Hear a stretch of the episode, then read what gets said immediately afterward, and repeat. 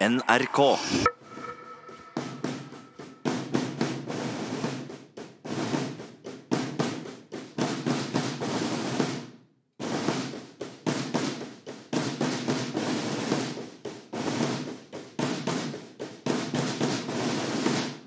Buekorps. Ole Bull scene Dagsnytt 18. fra Bergen.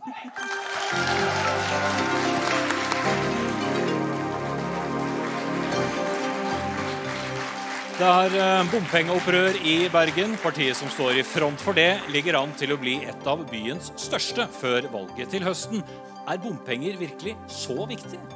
Den som vet hvordan politikk og pølser blir laget, får aldri mer enn rolig natts søvn, heter det. Så hva skjer med folkets sjelefred når eh, journalister drar på privatfester med politikere? Hvor eh, ble det av all kontroversen rundt eh, Steve Bannon i alt mylderet? Hva fikk folk, og ikke minst Bannon selv, ut av norgesbesøket? Og hvor ble det av Edvard Grieg da programmet for Festspillene i Bergen ble lagt? Han fra Trollhaugen, vet dere.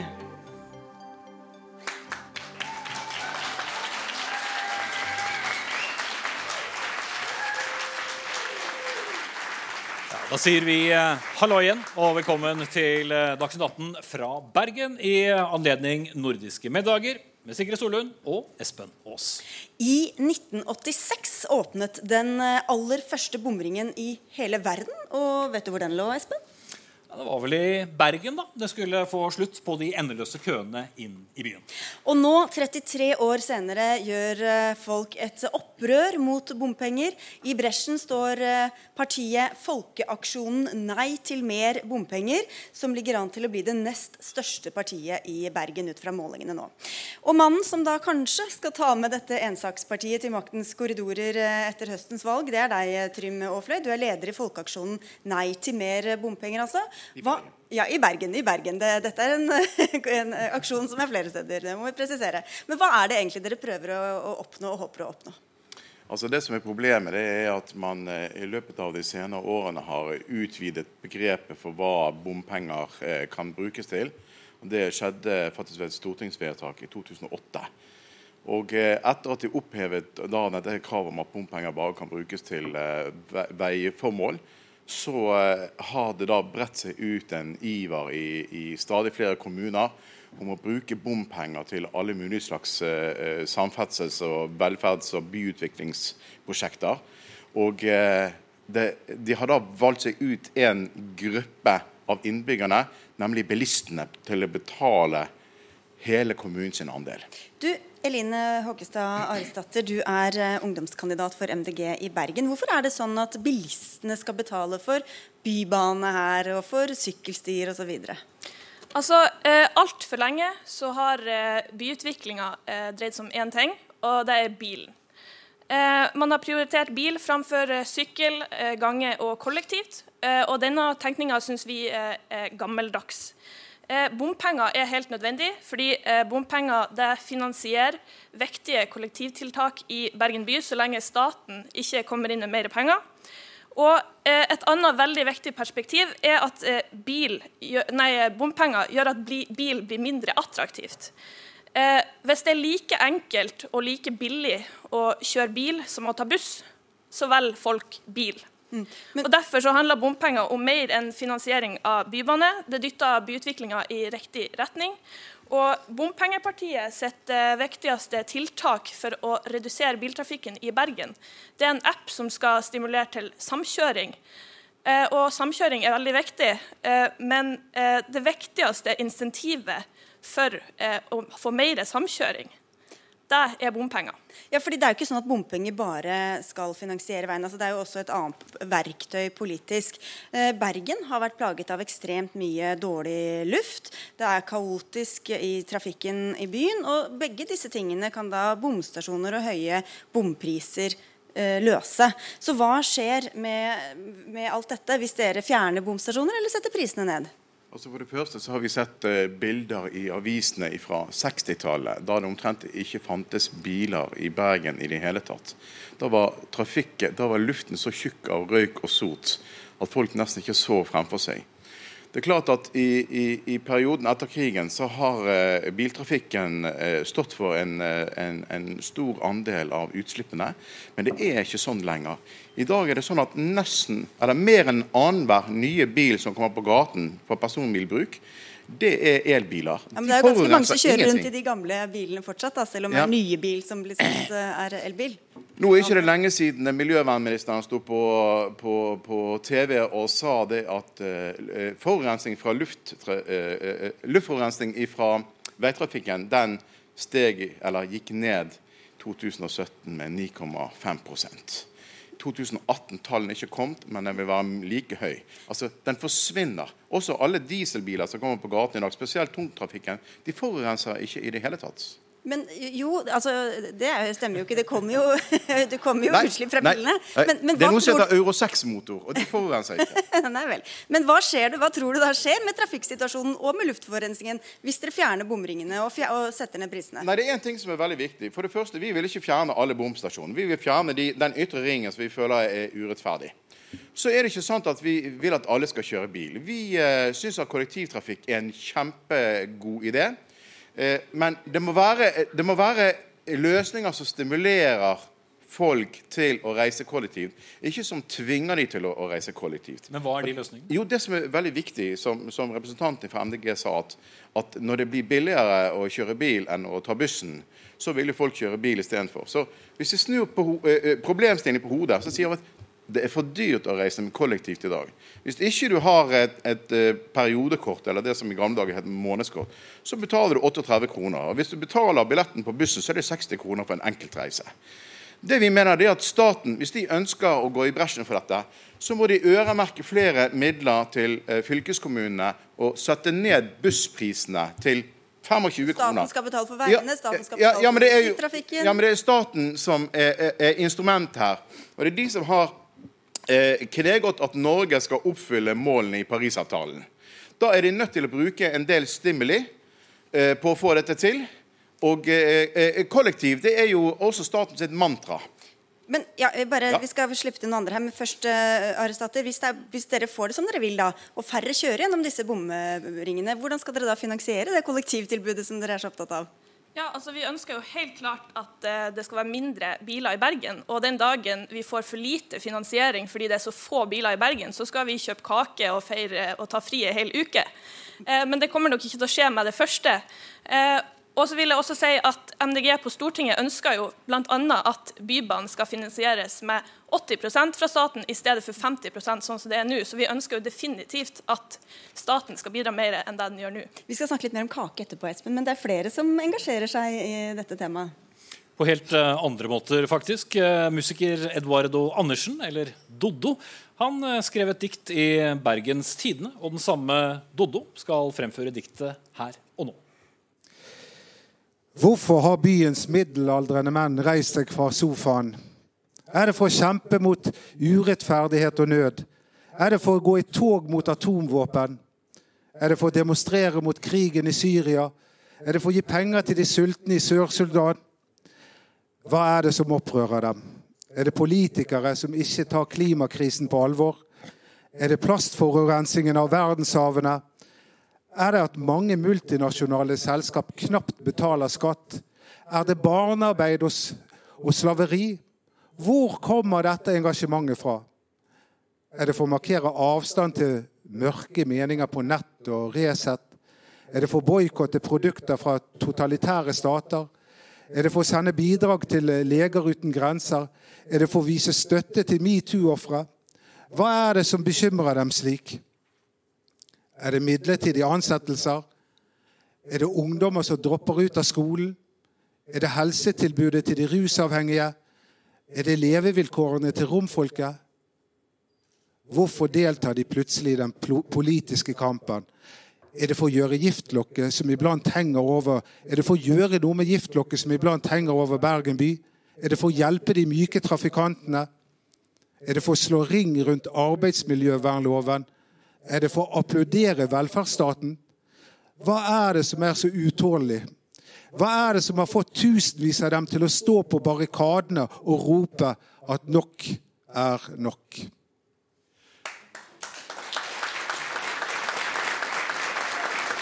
Men eh, da er jo også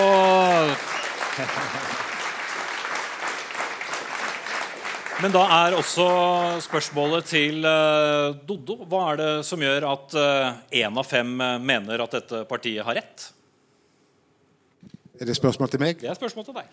Eh, hvorfor en, eh, nei, altså det, det, det, som jeg bare, må bare si, det som plager meg i hele denne debatten, her, er at klokken er ett minutt på tolv. Vi har en klimakrise på gang.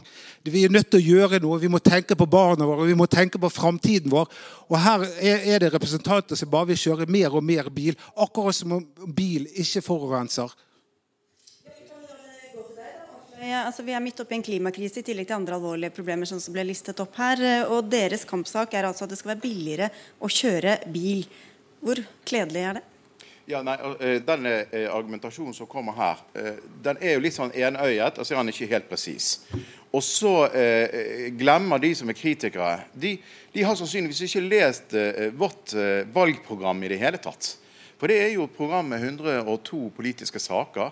Og vi har rangert de etter, etter viktighet. Og miljø og klima det kommer faktisk rett under det. Ja, det gjør faktisk det. Eh, eh, eh, eh, Parisavtalen ja. Eh, nullvekstmålet i NTP ja. Selv om vi syns at det har lite feil fokus.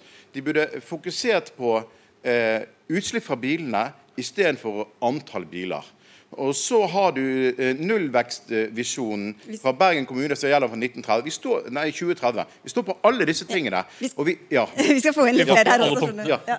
Men vi har flere politikere her. Og Roger Valhammer, du er uh, nyvalgt eh, byrådsleder som du også heter, for Arbeiderpartiet. Og på en pressekonferanse i går så meldte du at du vil fjerne to bomstasjoner. Var det hensynet til velgeroppslutningen som trumfet klimasaken plutselig?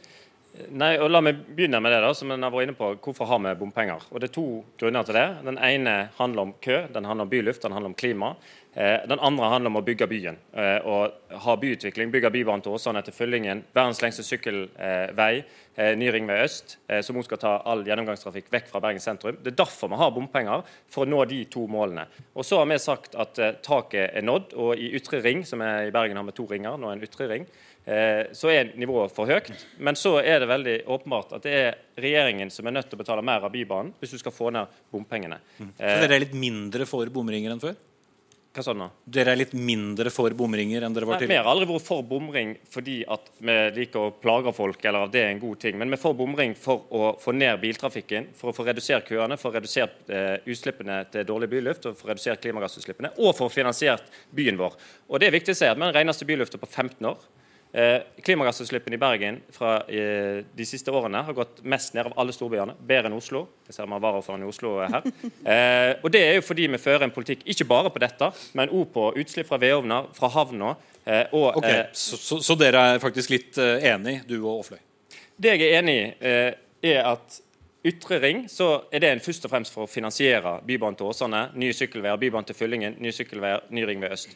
Og Hvis vi kan gjøre det med noe lavere satser, så eh, er vi for det. Og da trenger vi at regjeringen leverer. Og Arbeiderpartiet og SV og jeg vet MDG er enig i det, foreslo på Stortinget 70% finansiering. Jeg vil bare si det, fordi Hvis Frp og Høyre hadde stemt for det, så hadde det vært 3 milliarder, 3 milliarder mindre eh, i bompenger i Bergen. Eh, Søviknes. Dere som eh, hører på sendingen på radio, hører ikke hvor mye Valhammer nå peker til sin høyre side. Men der står i hvert fall Terje Søviknes, eh, som nå er eh, tilbake eh, som lokalpolitiker på Os, men også er nyvalgt nestleder i Fremskrittspartiet. I Gratulerer. I 2014 så feiret du med bløtkake på Os, behørig avbildet i Bergens Tidende fordi regjeringen hadde godkjent en bompengesøknad som skulle finansiere ny E39. Smakte det godt med bompengefinansiert kake? Det vi feira, var at man eh, rett og slett eh, fikk igjennom proposisjonen knytt til å bygge ny E39 mellom Os og Bergen. og Der ligger det en andel bompengefinansiering. Helt rett. Eh, den søknaden ble sendt da det var et rød-grønt flertall i regjering. Og vi forholdt oss til det regimet og valgte å sende inn vår tilslutning til at det måtte være bompenger for å få det finansiert. Men det er etter, nei, hør da, etter at vi da fikk ny regjering i 2013, så fikk vi gjennomslag for bl.a. å ikke ha forhåndsinnkreving på E39 for den nye veien. Og Dermed så var det en positiv dag når vi fikk den nyheten fra Stortinget. Og så har jeg lyst til å understreke at Det som er grunnlaget her for debatten, frustrasjon, sinne, eh, det som nå fortoner seg som et opprør, det er jo knytta til det man har vært inne på tidligere, at nå betaler man spesielt i byene, gjennom disse byvekstavtalene, bomringene, for alt annet enn vei. Bilistene blir brukt som melkekyr for å betale kollektivtilbud, for å betale gang og sykkel. Det er noe helt annet enn det man har vært vant til ute i landet tidligere, der man får erstatta erstatte ei ferge med ei bru, vet at man skal betale den brua. Når den er nedbetalt, ja, så er bomringen eller bomprosjektet ferdig. Tilsvarende når man får en ny tunnel, som vi får mellom Os og Bergen. Når den er nedbetalt, og du har fått halvert reisetid, ja, så er man ferdig. sånn- sånn I, i problemet her er at det er us, usosialt, og man ser ingen ende på det. Man ser bare mer belastning Men- fordi man vil ha dyre Men regjeringen og Fremskrittspartiet, som også har samferdselsministeren, har fått ned hvor mange bompenger i antall? Bompengestasjoner? Altså Hvor mange bomstasjoner har dere kvittet dere med i løpet av tiden som har gått fra 2013? Åtte stasjoner har vi bidratt til å rive fordi vi har gått inn og brukt eh, statlige midler til å betale ned resterende gjeld i prosjektene. Og, og I tillegg så ser man i ny nasjonal transportplan at man har gått fra ca. 40% bompengeandel i prosjektene når de rød-grønne styrte, til nå under 30 Og Og det- betyr at vi i sum gjennom de seks årene vi har stått i regjering, har bidratt til å ta ned bompengebelastningen med ca. 10 milliarder. Mens opprøret altså har Ja, økt. og- Og, og Valhammer eh, Det var vel litt riktig det da å ta ned Men, eh, bomstasjoner? Det var interessant å være byrådsleder i, i tre uker og allerede revet to bomstasjoner. Eh, så, det Så, så, så nå er det det som er riktig? Men, Ja, men, men det er bare flytter de, da. eh, Nei, flytte inn og rive ned to. Men, men poenget, og det er et viktig poeng, grunnen til vi kan gjøre det, og kan bestemme lokalt, er for finansieringsgrunnlaget er det samme. Altså Vi får inn akkurat samme eh, antall penger inn for å finansiere det vi ønsker å finansiere. Ellers så hadde ikke vi gjort det fordi at vi eh, ønsker å bygge denne byen. Og så har jeg bare lyst til å si da la noen andre betale, men det er greit. jo, men, jo, men akkurat, hvem skal betale? På Østlandet så bygger nå Intercity. Intercity. Eh, for det er ikke cities, det er tettsteder rundt på hele Østlandet som får dobbeltspor fullfinansiert via skatteseddelen, via staten, inn til Oslo. Mens i Norges nest største by, vår togløsning, vår kollektivløsning skal betale halvparten av sjøl. Jeg mener det rettferdige hadde vært at vi hadde tatt det over skatteseddelen. Da hadde de som hadde mest betalt mest, de som hadde minst betalt minst. Og da hadde vi ikke trengt å bruke bompenger på det. Kunne Eller, eller oljefondet, som var deres eh, løsning. eh, finansministeren. Fremtidige pensjoner bør, helst bruke, bør heller brukes til vei og intercity. Fremskrittspartiet har alltid sagt at vi bør bruke noe mer av avkastningen fra oljeformuen vår på å bygge infrastruktur i Norge. For å styrke konkurransekraften til næringslivet i Norge. For å lette hverdagen til folk som nå opplever store problemer. Og så har jeg lyst til å si, når Valhammer her sammenligner intercity med Bybanen ja, Intercity er noe annet enn trikken i Bergen.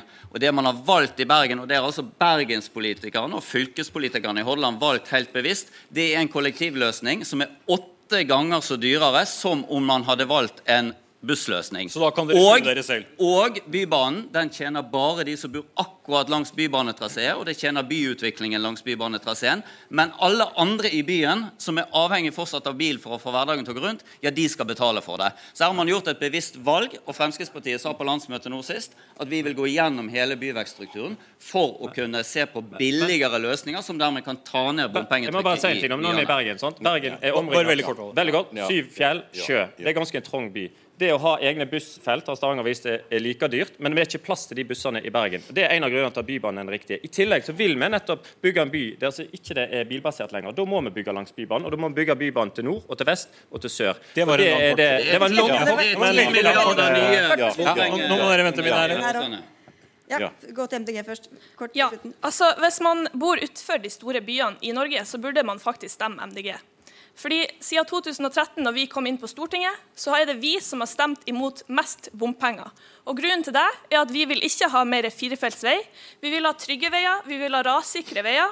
Men vi mener at man ikke kan bruke penger på monsterveier. Man burde heller bruke penger på kollektiv, sykkel og gange, for det er det som er fremtida, ikke privatbilisme. Ja. Greit, greit. Og flere på tampen. Ja.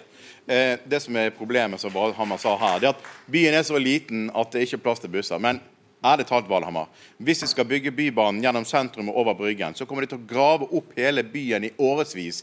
Og, og halve byen kommer til å gå konkurs. For det er ikke noe, verken veitrafikk eller varehandel eller noe som kommer seg frem i gatene mens de holder på med det. Vi får ta den en annen Ja. gang. Vi skal si tusen takk til alle dere fire og få opp en eh, annen gjest. Takk skal dere ha, sa Trym Aafløy fra Folkeaksjonen Nei til mer bompenger, Eline Håkestad Aresdatter fra MDG, Roger Wallander fra Arbeiderpartiet og Terje Søviknes fra Fremskrittspartiet. Og her kommer det trippende en eh, kommentator i Bergens Tidende, Morten Myksvold. Det er altså bompenger som er blitt den heteste politiske saken her og flere andre steder. Høyre foreslår altså lavere bompenger til barnefamilier. Arbeiderpartiet skal rive to bomstasjoner. Er det panikken som brer om seg i det politiske landskapet? Ja, altså Det virker jo som om de som har stemt for bompenger nå i flere omganger over flere år, eh, flere og flere bompengepakker, tatt opp mer og mer lån, nå er veldig overrasket over at det finnes ekte folk der ute som må betale disse bompengene. Eh, så det at Høyre og Arbeiderpartiet kommer med de grepene altså Noe av det kan være fornuftige grep, men det, det kommer altså når, eh, når bompengepartiet når eh, i, i Bergens Tidende da, 16,9 oppslutning. Og da, da er det lett å, å se panikken. Og Denne panikken er jo òg litt nasjonal. altså I, i går så, så snakket Trond Giske fra Arbeiderpartiet og Abid Raja fra Venstre kritisk om bompenger. Dette er folk som har ansvar for eh, bompengene i hele landet. Og det kan ikke komme overraskende på folk at, at nivået har blitt ganske høyt de siste årene. Nå fikk vi jo inntrykk av en, eh, en sånn by og land-dimensjon her også. At eh, de utenfor selve bykjernen er irritert fordi de må betale så mye av det som skjer i selve byen. Hvordan er den fordelinga av synet på bom- bompenger seg der? Altså, Folkeaksjonen Nei til mer bompenger er største parti i Åsane og Arna, de bydelene i nord og øst i Bergen. Eh, Så Der er motstanden veldig stor. Det er også, også er den bydelen som skal få bybane om noen år. Eh, Men denne folkeaksjonen argumenterer jo for å, å droppe hele bybanen for å, å slippe å ta opp den eh, bompengegjelden.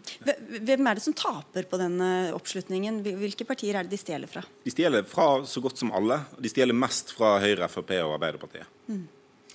Men det er litt eh, OK, nå, nå har vi noen sinte innbyggere her eh, i kommunen, så vi sender regningen til staten. Ja, altså Det er jo den eneste løsningen, sånn sett bort ifra å, å, å slutte å bygge ut Bybanen, da, er jo at staten tar på seg mer eh, av, av ansvaret. Og Det kan virke urettferdig at staten skal, skal betale mer enn 50 i, i Bergen, men, men de første byggetrinnene til Bybanen, som en fortsatt betaler for, og som er en av grunnene til at en må øke bompengene nå, eh, de var staten knapt med på. De, de, de stilte opp åpningen, men de, de betalte nesten ingen penger for det. Eh, og så skal en i etterkant skryte over at en leverer 50 Uh, En har ikke levert 50% finansiering av Bybanen til nå. Uh, langt, langt derifra. Du nevnte Trond Giske og Abid Raja. Disse lokale opprørene vi ser eh, flere steder i landet. Hvordan påvirker de rikspolitikken? Nei, altså, de har jo ikke, vi har jo ikke sett det store ennå, men, men de utspillene der kan jo være et frampek på at, at det nasjonalt begynner å, få litt eh, panikk. Eh, Frp har jo gjennom sine år i regjering forsøkt å få ned bompengene, men, men der de har satt inn måtte, tiltak for å fjerne bomstasjoner, har jo vært eh, på akkurat de prosjektene som Tau Søviknes argumenterer for. Folk aksepterer bompenger i større grad. Der en skal erstatte ferger, der en skal erstatte ei bru. De har ikke kommet med sånne ekstrabevilgninger til til, eh, til eh, de bypakkene som, eh, som, som en sliter med i Bergen. Men hvis man ser da på det politiske ordskiftet her i byen, har det vært mange for så vidt andre endringer også den siste tiden. Men har det plutselig økt da interessen for lokalpolitikk? For plutselig handler det virkelig om folks egen lommebok? Ja, det, det har det jo for så vidt, men, men samtidig så drukner jo all annen lokalpolitikk i dette bompengekjøret. da. Eh, og, og Bompengelister skal jo få seg en overraskelse når de kommer inn i bystyret og finner ut hvor liten del av det å sitte i bystyret i Bergen bompenger egentlig handler om. Altså Det er for det meste eldreomsorg og skole eh, det handler om i lokalpolitikken. Bompengesøknader er en forsvinnende liten del av det, men en synlig del av det i bybildet. Og, og derfor veldig lett å protestere mot. Takk skal du ha, Morten Myksvold. Dagsnytt 18 alle hverdager klokka 18.00 på NRK P2 og NRK2. I februar hadde Arbeiderparti-nestleder Hadia Tajik bursdagsfest for kjæresten sin, tidligere journalist i Dagens Næringsliv, Christian Skar. Var du der, Espen? Nei, var ikke det? Var du? Nei, var ikke det, eller var ikke invitert i det hele tatt, jeg. Men det var eh, nok av andre journalister, redaktører og kommentatorer der. Noe som fikk eh, kommentatorer blant annet i flere regionaviser til å kritisere det de anså som litt vel tette bånd mellom journalister og politikere i hovedstaden. Og Skjalg Fjellheim, du er politisk redaktør i Nordlys, og dette har du diskutert nå på Nordiske mediedager her i ettermiddag. Du sier at journalister og politikere i Oslo lever i en boble. Hvordan da? Det mener jeg at eh, når man ikke klarer å forstå eh, kritikken utenfra på det samrøret som åpenbarte seg på denne pølsefesten som du nevner, så er det for meg et tegn på at man man lever i en slags boble der man ikke er i stand til å ta inn over seg de perspektivene som kommer. Mm. Og hva, hva, slags perspektiver mener du? Altså, hva, hva, er det som gjør dette farlig? Nei, altså Vi må sette dette litt inn i kontekst. ikke sant? Pølsefesten eh, fant sted i, midt i en opprivende strid mellom to sentrale politikere i Arbeiderpartiet. Hadia Tajik og Trond Giske. Den kanskje bitreste konflikten i norsk politikk siden oppgjøret mellom Reiulf Steen og Gro Harlem Brundtland i 1981. Og akkurat på dette tidspunktet så finner altså journalistene og kommentatorene i Oslo som, dek som dekker konflikten mellom Giske og Tajik, i all sin visdom ut at de skal gå på en privat fest hos den ene parten i denne konflikten nemlig Hadia Tajik, som har mest å tjene på at Trond Giske blir svekket. Det er dårlig dømmekraft, og det svekker tilliten til eh, pressen. Mm. Garsteiro, eh, stadig ansvarlig redaktør i VG. Du mener Fjellheim generaliserer her. Hvordan da? Nei, jeg mener han, når han når han snakker om denne festen, så er jeg faktisk i stor grad enig med Skjalg Fjellheim. Fordi at Når denne festen finner sted, så finnes det mange gode argumenter for at journalister bør være til stede der politikere Eh, befinner seg. Men vi kan ikke leve i en boble der vi ikke tar inn over oss den kritikken som kommer utenfra. Og det er klart at Troverdigheten til pressen den handler jo ikke om hvordan, hvordan, hva som faktisk skjer på dette arrangementet, om det som skjer der er problematisk, men hvordan det ble oppfattet. Og Denne festen den ble oppfattet som problematisk. og Den bidro til spekulasjoner om vår habilitet og det må, vi, det må, vi, forholde oss til. Så det var dårlig dømmekraft uh, å gå dit? Ja, jeg mener at, jeg, mener at var, jeg tror vi hadde en diskusjon om dette i forkant. Dette var ikke sånn at journalistene hos oss viste dårlig kamp. Vi diskuterte. Det var et stort arrangement. Det var mange til stede. Dette var ikke en liten privat sammenkomst. Vi vurderte det sånn at her er det relevant å være til stede som journalister. Vi fant ut at vi skal skrive om det, og vi skal opplyse leserne om hvem som kommer der. Men når du ser de reaksjonene som kommer etterpå, og der tror jeg Fjellheim har rett, det har fordi at dette skjedde i en veldig brennbar politisk situasjon. Så det er greit å være etterpåklok da. Men så er det jo sånn utover nå forsommeren og så er det mange. Eh, det er eh, fester hos forlag, eh, de politiske partiene har fester, politiske tenketanker har fester. Det kommer ut mange invitasjoner til journalister. Men hvordan skal man bedømme når det er riktig og når det er galt? For det kan vi jo ikke gjøre etterpå. Nei, Men det kan du ikke, men etterpåklokskap er jo av og til en klok øvelse. Det går an å lære av ting. det mener jeg. Det er ikke det men ikke mange ganger? Ja, det, det, ja, ja, man kan lære så lenge man lever. Men det her mener jeg at det for journalister, politiske journalister eller næringslivsjournalister, eller uansett, så er det ikke sånn at du ikke kan. Du må være til stede på de arenaer der de du eh, skriver om, også er. Du må ha kontakt med dem, du må snakke med dem, du må prøve å forstå dem. Det er en del av jobben. Det er en del av jobben om du jobber i Oslo, om du jobber i Bergen eller du jobber i Tromsø. Så er det en del av å være politisk journalist. Mm. Så er det forskjell, stor forskjell på det jeg mener er private arrangementer, fordi det oppfattes helt annerledes enn man deler på et, et, offentlig arrangement som type en eh, sivite arrangement som er på kveldstid, tross alt det. Mm det etterlatte inntrykket her er jo så riktig som Garsteiro sier, at, eh, at kildekontakten, eller ja, kontakten mellom, eh, mellom, journalistene og politikerne i landets hovedstad er for tett. Og Det som jo er uheldig med det, er jo bl.a. at dette er, gjør det mye lettere for de alternative mediene. De som jakter på denne historien om at det finnes en, en, en elite i Oslo som nærmest står i, i ledtog mot eh, resten av landet. Eh, det gjør det så mye lettere for de alternative mediene som Resett eh, osv. å vinne frem med sitt budskap. Så, så, så, det er på en måte et selvmål av, av, av av pressen i Oslo å, å ja. gjøre dette. Ja, nettopp dette Oslo hører vi fra Gudbrandsen. Du er altså politisk redaktør i Bergens Tidende. Er du enig i at det først og fremst er et hovedstadsproblem at journalister og politikere menger seg? Eh, dette med denne bobla, der det er et stort miljø, mange politikere, mange journalister, på en måte mye makt samla i ett miljø, det er et Oslo-fenomen. Rett og slett fordi man ikke har et regjeringsapparat, dessverre, kan man si, i Bergen. Eh, så, eh, så, har man, ja, så har man ikke Man har ikke noe tilsvarende her. Eh, Hvorfor er det så annerledes med byråd enn regjering f.eks.? Det er bare mindre. så du får ikke, altså Det blir ikke så store miljøer. altså Vi hadde jo blitt lei av hverandre hvis vi skulle drive og henge, på, henge sammen hele tiden. Så det blir bare litt annerledes på Tror du ikke vi blir steder. det, eller? Hva sa du? Tror du ikke vi blir det i Oslo? Eh, jo, kanskje.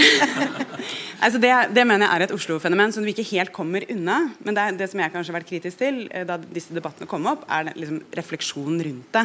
Fordi eh, det er jo litt å leke med ilden, men man kommer ikke unna det. fordi man får ikke laget sakene hvis man ikke deltar der det skjer. Eh, og så er det at man må jo tenke gjennom Hvorfor blir man invitert på en sommerfest eller i en sånn bursdag? Er det fordi man er så innmari interessant og kul som person? Det er jo ikke det. Det er jo fordi i, i rollen som journalist at man er interessant. Og det å eh, reflektere litt rundt det, det tror jeg liksom har vært noe av det bra som har kommet ut av den pølsefestdebatten. Men med fare for å fremstå som pirkete, jeg har også vært på selskaper i Oslo. Jeg har sett uh, kommentatorer fra regionaviser også mm. være til stede. Ja, ja. Så hvordan, jo, men, uh, hvordan, er det dere gjør det? altså, hva, hva, er greit å gå på, og hva er ikke greit å gå på? Altså, hvor skal man ta en grense? For det er lett å finne mm. begrunnelse på hvorfor det er riktig å gå på en fest. Jo, fordi jeg trengte å få en bakgrunnssamtale med denne. Ja, men jeg tror ikke det er mulig å finne en, en, en, en klar grense som er gyldig. Jeg har vel sagt en gang at det eneste grensen som går, er at du skal ikke ligge med kildene dine. Men bortsett fra det, så eh, det, finner ikke jeg noen sånn allmenngyldig regel. Nei, vi, vi, kan jo høre med Skjalg Fjellheim. Vi, vi, må innrømme, som du var inne på, vi er ikke så skinnhellige som vi lot som i begynnelsen her. Vi har jo vært på noen av disse festene, vi også, som sikkert veldig mange andre journalister eh, rundt om i landet. Hvor går dine grenser av Fjellheim for hva dine journalister får lov til å gå på? Nei, altså, eh, Jeg ville aldri ha gått på et uh, Hvis jeg ble invitert via Facebook på et uh, privat arrangement med, med, med nestlederen i Arbeiderpartiet midt i en opprivende maktkamp i dette partiet, så ville jeg aldri gått på en sånn fest. Tenk på alle de kildesamtalene du kunne fått der, da. Ja, men De kildesamtalene kan man stort sett ha på dagtid. og Man kan møte kildene i stortingsrestauranten på dagtid og i andre sammenhenger enn å oppsøke dem i private sammenhenger. Så jeg, jeg tror at det av hensyn til altså For å være litt pompøs, da. ikke sant? Altså, det handler jo dypest sett om pressens troverdighet, integritet, og, og, på en måte holde fast ved noen grunnprinsipper for den virksomheten vi driver med. på. Men Det var jo et privat arrangement av en privat person, men disse andre festene som nevnes, det er jo også private. Du sa offentlig, Garsteiro, men det er jo ikke sånn at alle kan komme og gå på de festene som, eh, som det ble nevnt her, også sånne som er på vår og høst og sommerstid. Nei, men det er stor forskjell, det er stor forskjell på det en priv... eh, altså, denne, denne pølsefesten var ganske stor, du kan diskutere hvor privat den var òg. Men hvis du blir invitert i en privat bursdag, så må du stille hvorfor, hvorfor blir du invitert. der. Blir du invitert som venn, så har du et problem å kunne dekke vedkommende etterpå. Det at Civita eller, eh, eller en stor organisasjon inviterer til et større arrangement, der de inviterer mennesker fra media, politikk, næringsliv, akademia inn der som en møteplass, det syns jeg egentlig ikke er så ille. Og Det er ikke sånn at alle kan komme inn der, men det en, det, der er man åpenbart som journalist. Men du, Hva slags bindinger eller hva slags problemer kan oppstå i, i en by som Bergen f.eks.?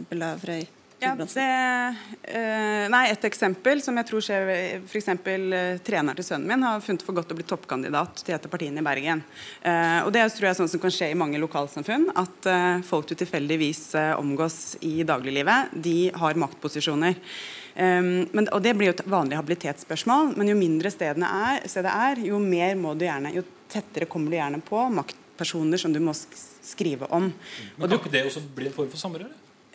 Jo, men Du kommer ikke unna det. Altså, Du kan ikke slutte å ha et uh, liv. Der. Men, men, det er klart det er krevende situasjoner å håndtere. Og, i, i, og lokalaviser har antageligvis flere av den type problemer enn de større avisene. Og det vil jo gjelde dere også? Ja, og det er klart at I en lokal regionavis så eh, står du jo i fare for å ha barn i samme skole eller barnehage som eh, ordføreren eller byråden. Men det er jo ikke noe man aktivt oppsøker.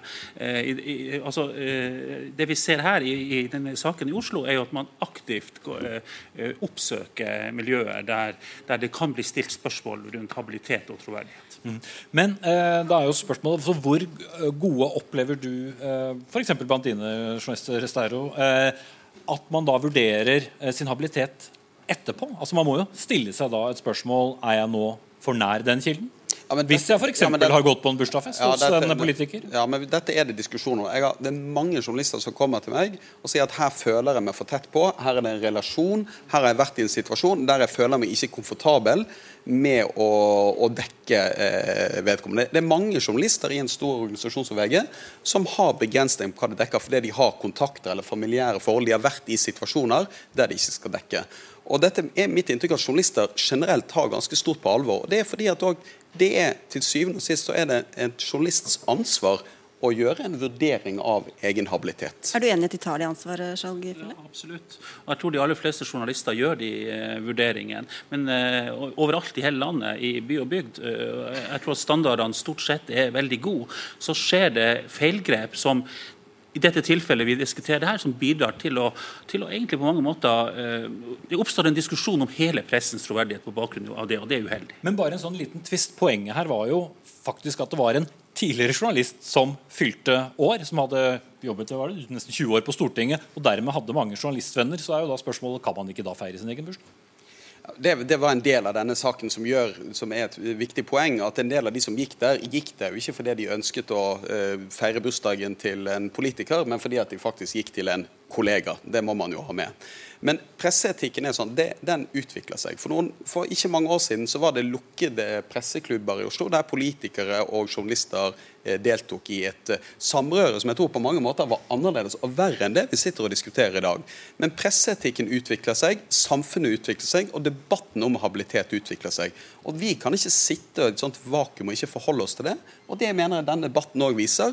Når man oppstår dette, så må man diskutere det. Og så det nye, får man nye meninger om hvordan man skal forstå habilitet. Ja, Kan jeg, kan jeg bare skyte inn at det, det samrøret som man så på Tostrupkjelleren og Ryktebørsen når jeg og du Steiro, begynte som journalist Ja, Det var før min tid.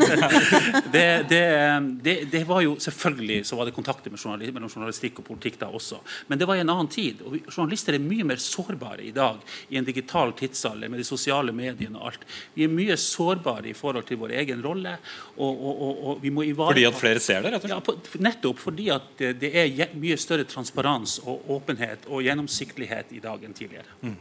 Vi kunne samrørt uh, lenger, vi, men uh, tiden er uh, omme. Takk til Frøy Gudbrandsen, politisk redaktør i Bergens Tidende. Skjold Fjellheim, politisk redaktør i Nordlys. Og Gard Steiro, ansvarlig redaktør i VG. Og nå skal det bli andre toner.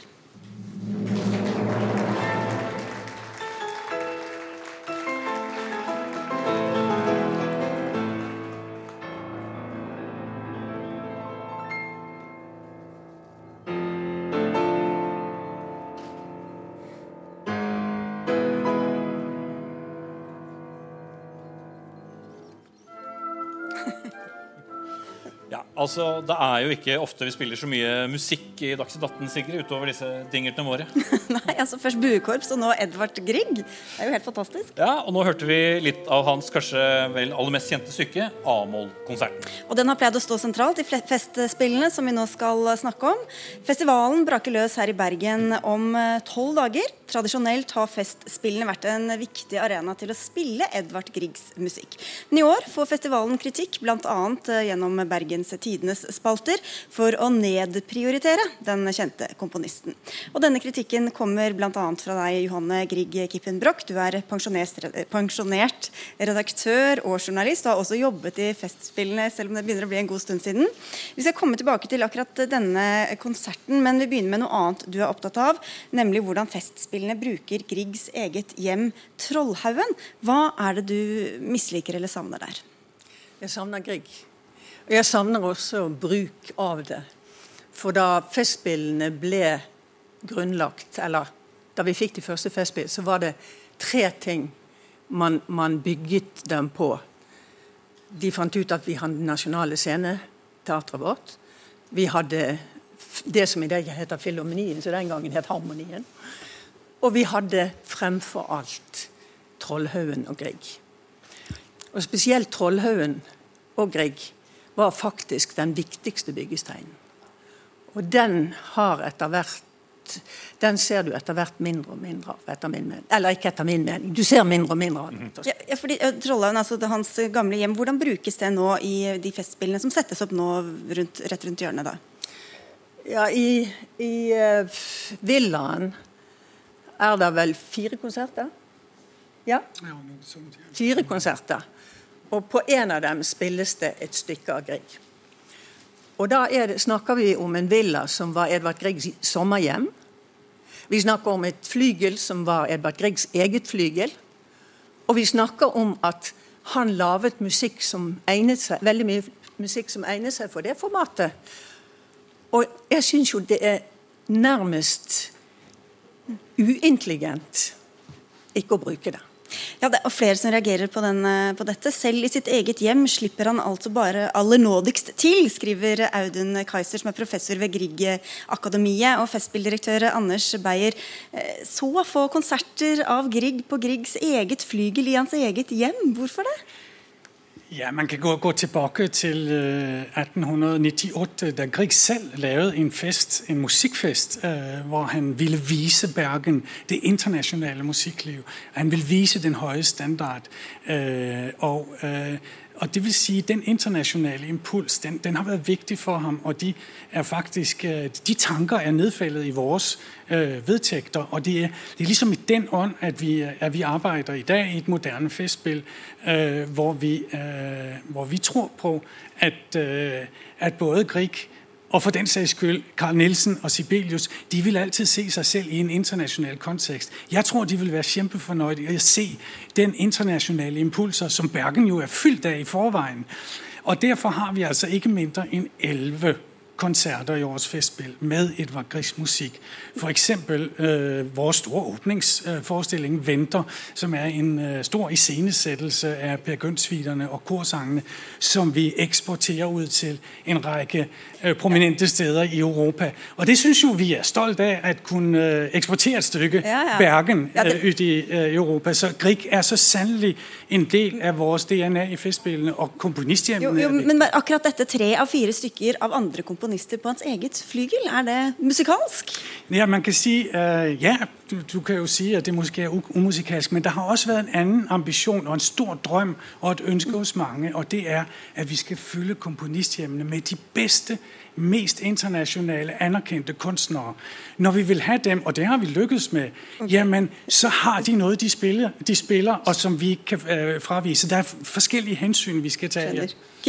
Han ville frydet seg over dette? Det ville han helt sikkert. Jeg tviler ikke på det, for Edvard Grieg var jo veldig åpen og inviterte mennesker til til eh, Trollhaugen. Du skulle jo tro det var et slott han hadde, for han ville jo ha folk fra hele Europa for å komme og musisere. Men det er ikke det jeg snakker om. Det er altså snakk om disse få dagene i året. Og eh, det er snakk om og jeg jobber, det, det, sa jeg kanskje ikke Nei. Jeg jobber også som guide i Bergen. Etter at jeg ble pensjonerte meg som journalist, så begynte jeg som byguide. Og det er faktisk veldig interessant, fordi at det jeg opplever, er jo Jeg har mange turister veldig mange som vil på Trollhaugen. De vet spesielt hva de vil.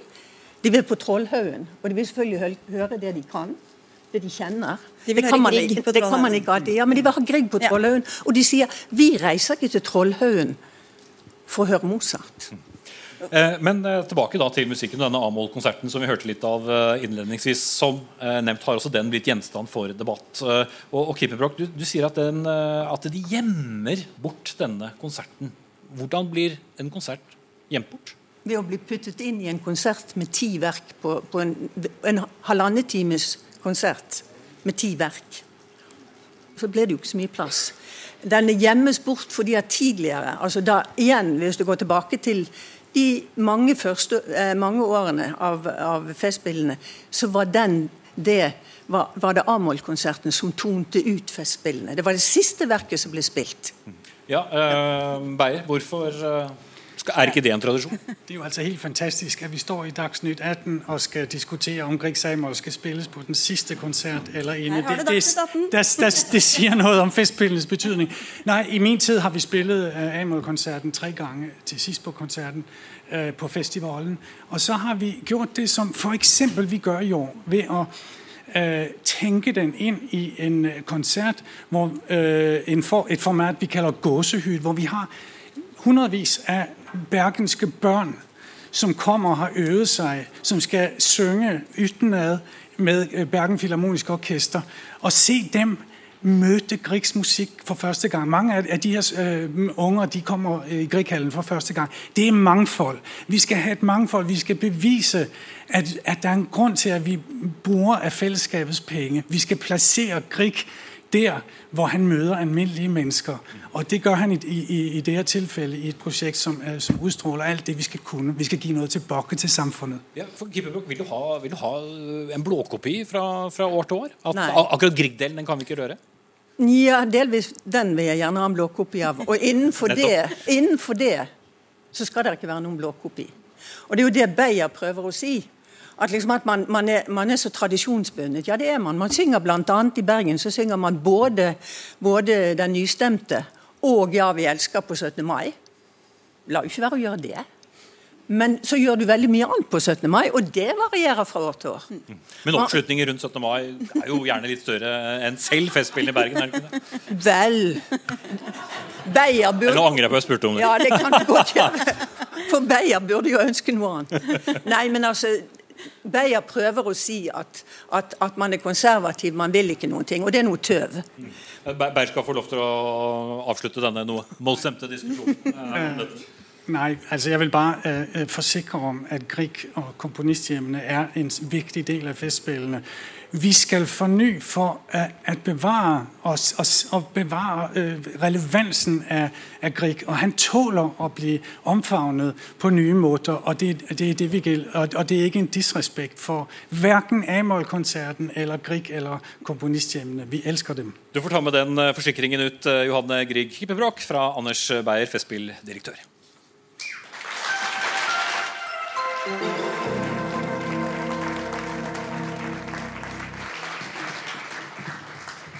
eh, som, nevnt så har det altså vært eh, avholdt nordiske mediedager her i Bergen. Og det var vel ikke noe tema som fikk så mye oppmerksomhet som det varslede intervjuet med den omstridte tidligere lederen for Donald Trumps presidentvalgkamp og for, tidligere toppleder for nettstedet Breitbart News, Steve Bannon. I én time ble han intervjua på scenen i går med bred mediedekning både i forkant, underveis og etterpå. Utenfor Grieghallen sto demonstranter og ropte ut sin mening. Flere inviterte valgte også å boikotte hele arrangementet pga. denne invitasjonen. Var det verdt all støyen? Kamzy Gunaratnam, du er varaordfører uh, i Oslo og fra Arbeiderpartiet. Du sa til oss før arrangementet at du synes boikott er feil. Sa samtidig at du ville ikke brukt uh, den tilmålte tiden du har på å dele scene med ham. Og så skrev du i en ytring på NRK Jeg er sikker på at vi har noe å lære av ham. Du har sett intervjuet. Hva lærte du? Ja, jeg har sett deler av intervjuet. Jeg må innrømme at jeg syns det ble litt kjedelig, så jeg slo den av etter sånn ca. 70% av streaminga. Hva hadde du lært nå? Eh, ikke nødvendigvis det, mer det at jeg hadde andre ting å gjøre som kanskje veide litt tyngre, som jeg følte jeg liksom fikk mer utbytte av. Bare fordi jeg er for at han skal få en scene, betyr ikke at jeg må bruke tid på det. Eh, distinction der, akkurat sånn de som står og boikotter Nei, unnskyld, de som står utafor og demonstrerer, har sin rett til å gjøre det. Nei, jeg tenker at eh, jeg fikk liksom bekrefta en del mistanker. Det er bra. Det er også kunnskap å få at man får, får den bekreftelsen. At du har noen teorier om hvordan vedkommende vil te seg, eh, kle seg, være på en scene. Eh, og det tenker jeg er nyttig.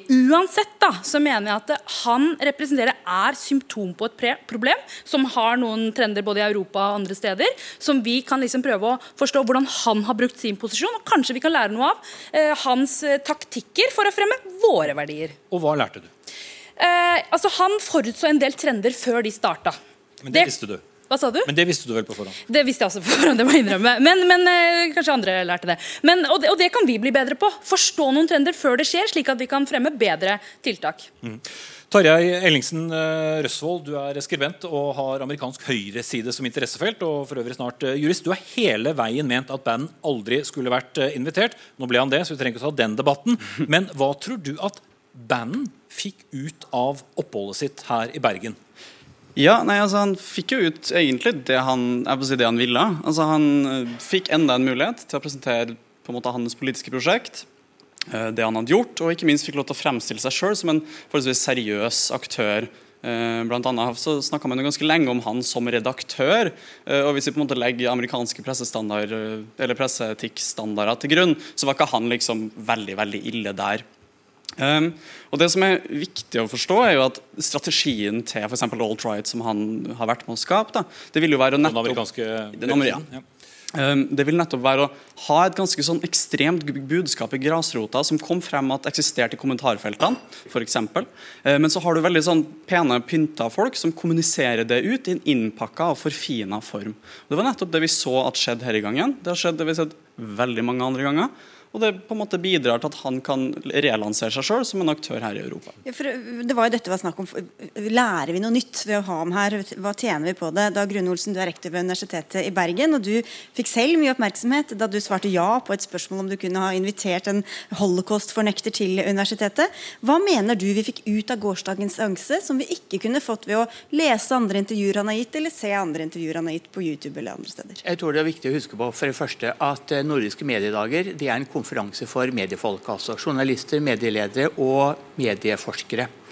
Det er jo ikke hans budskap, politiske budskap som i første rekke var interessant, men det å se hvordan en mann som har utpekt de tradisjonelle redaksjonelle mediene til en av hovedfiendene sine, hvordan han har ledet Braybart, som er altså et nettsted, et, eh, et medium som eh, har en helt annen forhold til fakta, f.eks., og hvor man ikke eh, tar et oppgjør med hatefulle ytringer på samme måte som tradisjonelle medier. For eh, medieledere, for medieforskere og journalister er det ekstremt viktig å forstå hvordan dette fenomenet faktisk får så stor eh, plass. Så lærte man noe om hva som eh, hvorfor dette faktisk skjer på de mediedagene. Jo, Jeg men tror- var Lærte man noe annet enn det man kunne fått igjen med et Ja, ganske enkelt altså, Google-søk? Jo, for da får man altså veldig mye kunnskap om hva han mener faktisk eh, forfekter Er det- det er ikke hemmelig det, hva han mener? Nei, ikke sant? Og det var jo hel- eh, definitivt da heller ikke hensikten med selve invitasjonen, slik jeg har forstått det. Men jeg tror det er riktig å si at det man kanskje eh, burde ha fått mer ut av, det er hvordan man på en måte kan plukke fra hverandre argumentene hans i, en, i et intervju f.eks. Og vi ser jo det at eh, Kristina Pretten, Pål T. Jørgensen og andre veldig skarpskodde meget drevne og dyktige journalister de har, eh, de har utfordringer i møte med han når han f.eks. ikke respekterer sånne allmenne kjøreregler som at faktum er faktum osv. Ja, eh, Resvold, eh, altså dette var da eh, den største salen eh, av alle. Det var stappfullt av Kanskje, hvis vi skal legge godviljen til, noen av Norges flinkeste journalister eh, og mediefolk. Det var et godt forberedt intervju. Du var der, Espen, var du ikke ikke Eh, jeg bare så på, eh, men takk. Eh, og så på slutten, etter et eh, gjennomført intervju, så ble det også åpnet for spørsmål fra denne salen med alle disse journalistene. Hvordan syns du journalistene brukte den tiden de hadde? Ja, nei, den, det, var, det var jo nesten komisk, egentlig. ikke sant? Fordi at man ser på bandet som en aktør som man skal i alle fall, Jeg forventa jo litt at man skulle prøve å konfrontere han på en måte med, med, med de standpunktene han har forfekta. og sånn. Men det som skjer da når, når um, Pletten spør om spørsmål fra salen, så er det nesten stilt i hvert fall et minutt, kanskje. Altså, det er ingen som har forberedt noe som helst. Jeg kommer fra lang erfaring fra Studentersamfunnet. Hver gang vi har invitert noen kontroversielle folk, så er det tre studenter med en notes-app som er stappfulle av notater for å rope ut en appell. ikke sant? Men norsk presse viser seg jo da å komme spørsmål om eh, Bibelen styrer amerikansk utenrikspolitikk, og om forholdet mellom Det var USA og vel et Kina. spørsmål fra en dansk journalist og en kanskje svensk det journalist. Ja, ja. Men er det ingen fra pressen her til å forsvare det? Så lar vi den ligge. Den... Ikke sant, som vi pleier å si. Uh, men Gunn Gunnar Ratnam, uh, selv om du ikke orket å se gjennom hele, hva savnet du altså hva, hva mener du eh, vi skal gjøre for å møte det som vel mange vil se på som ytterliggående meninger, enten de kommer fra ytre høyre, som i dette, dette tilfellet, eller om det for den saks skyld hadde kommet fra ytre venstre? For det er jo folk som står veldig hardt på sine meninger og sin ideologi, om du vil, og kommer til å, å gjenta den nesten uansett hvilke spørsmål han eller hun får. Jeg tror at eh, vi som er politiske nerder i eliten av politikken i dette vakre landet, kan tenke litt over at eh, det som Steve Bannon står for, og det han har opparbeidet seg, ikke er kjent for mannen i gata. Jeg syns det er veldig bra at vi kan bruke litt tid på å sette fokus på det. Jeg synes det er veldig bra at vi kan løfte noe opp som ikke er kjent blant alle mennesker. Og på den måten, Jeg mener faktisk at troll sprekker i lys hvis lyset innstilles riktig. Eh, fordi at I dette tilfellet så kan, er det mange som har sagt at hun journalisten som spurte han ut, eh, ikke var hard nok. Ja, Da kan vi gå og tenke tilbake til Skavlan og Jimmy Åkesson. Hva skjedde? Jo, eh, han kjørte Jimmy Åkesson eh. Eh, veldig Veldig hardt. Veldig hardt. Eh, Men, men hva skjedde etterpå? Jo, han fikk bare mer sympati. Jeg syns hun parerte han liksom akkurat passe. Var Jeg har invitert Kristina Petten også, som ikke kunne komme hit i dag. bare for å ha sagt det. Ja. Til, eh, Altså jeg tenker at Det er ekstremt viktig å ta slike fenomener, mennesker og ytringene til band alvorlig. Vi ser jo, som det har nevnt tidligere her, at han har jo skjønte åpenbart noe i det amerikanske samfunnet som andre ikke skjønte på det tidspunktet. Han har altså snakket til rustbeltet i, i, i USA, og han har snakket til den vanlige mann som står der uten jobb og eh, ikke vet hvordan eh, de økonomiske endene skal møtes. Eh, Det ble ikke tatt i tilstrekkelig alvorlig antageligvis av de tradisjonelle politikerne. og Så kommer han inn og så fyller et tomrom der. Med et budskap som ikke nødvendigvis de er tjent med. Det er pakket inn. Han ser tilforlatelig og hyggelig ut på scenen. Av og til til og med sjarmerende. Det gjør det enda farligere. Ja. Altså, det som det er helt riktig? Altså, at han har en, en i bunn god analyse. altså Beskrivelsen hans av den helt forferdelige amerikanske økonomiske systemet som, som, som ko- kontrollerer altfor mye av politikken, det er helt riktig. Eh, poenget der vil jo være at det budskapet kan du få høre fra Bernie Sanders også. Sant? Så Hvis det er det du er interessert i, så, så kan du gjøre det. Poenget med banden, og det som gjør han veldig farlig, og grunnen til at vi nettopp ikke bør interessere han for mannen i gata, det er at han sier ting som høres veldig veldig forstandig ut her og nå, og så drar man på en måte noen folk som blir interessert i bandene, ikke sant, inn i bandet sin sfære. Kanskje de sjekker ut Breitbart, kanskje de sjekker ut Reddit og 4chan, som jeg nevnte i går, etc. Og så plutselig så er de inne i den grasrota jeg nevnte, ikke sant, av det her kommentarfeltet, som er virkelig, virkelig ille, som gir deg alle de her eh, teoriene som ligger til grunn for den grasrota sin politiske mobilisering. og eh, Sakte, men sikkert så blir det flere og flere som blir en del av den grasrota. og Det er et problem. Og Derfor er det så utrolig viktig at eh, mediefolket forstår hvordan denne eh, mekanismen faktisk fungerer. Altså hvordan skal man ta et oppgjør med den type eh, mediedebatt. Hvordan kan vi rigge et, et moderne mediesamfunn som sikrer at vi får fram kunnskap, fakta, og at ikke fake news som råder og forleder folk. Men det får du ikke vite ved å snakke med Steve Bannon. Det får du vite ved å prøve å gå inn i all den eh, journalistikken, litteraturen, vitenskapelige litteraturen som er skrevet om hvordan ytre høyre vinner frem på sosiologisk, eh, statsvitenskapelig etc. grunnlag. Sant? var- Ikke ved å spørre Siv Bannon. Men det var jo derfor det var så viktig ikke å snakke med han om hans politiske budskap, men forstå, forsøke å se og observere og analysere hvordan hans retorikk bygges opp, og hvordan han agerer. Det må journalister og medieforskere forholde seg til. Og, og veldig kort til slutt at alle, eller alle, men nesten alle jeg snakket med i etterkant i går, var sånn, ja, ja, men det var jo riktig å invitere ham. Men ville det vært så feil å la være?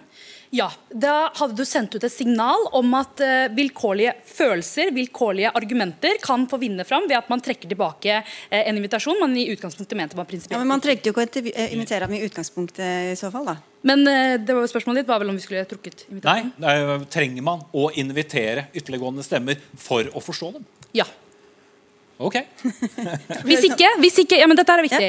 Ytterliggående stemmer, hvis ikke vi gir dem plattform i de tradisjonelle mediene, så bruker de sine egne plattformer, og da har vi ikke lenger felles arena. Røsvold, kort slutt. Ja, men nå har man dratt mange folk antageligvis, mange folk å ta, jeg tror ikke det har så mye å si. Men altså, eh, folk inn til Breitbart, eh, og, og det er det du har gjort. Og du kunne ha fått den informasjonen her som, som man er ute etter, på helt andre måter. Og det var mer eller mindre unison enighet på Dagsrevyen i går kveld om at man ikke fikk noe som helst ut av det her. Så jeg ser ikke poenget. Takk til uh, Tarjei Ellingsen Røsvold, Dag Rune Olsen og Kamzy Gunaratnam.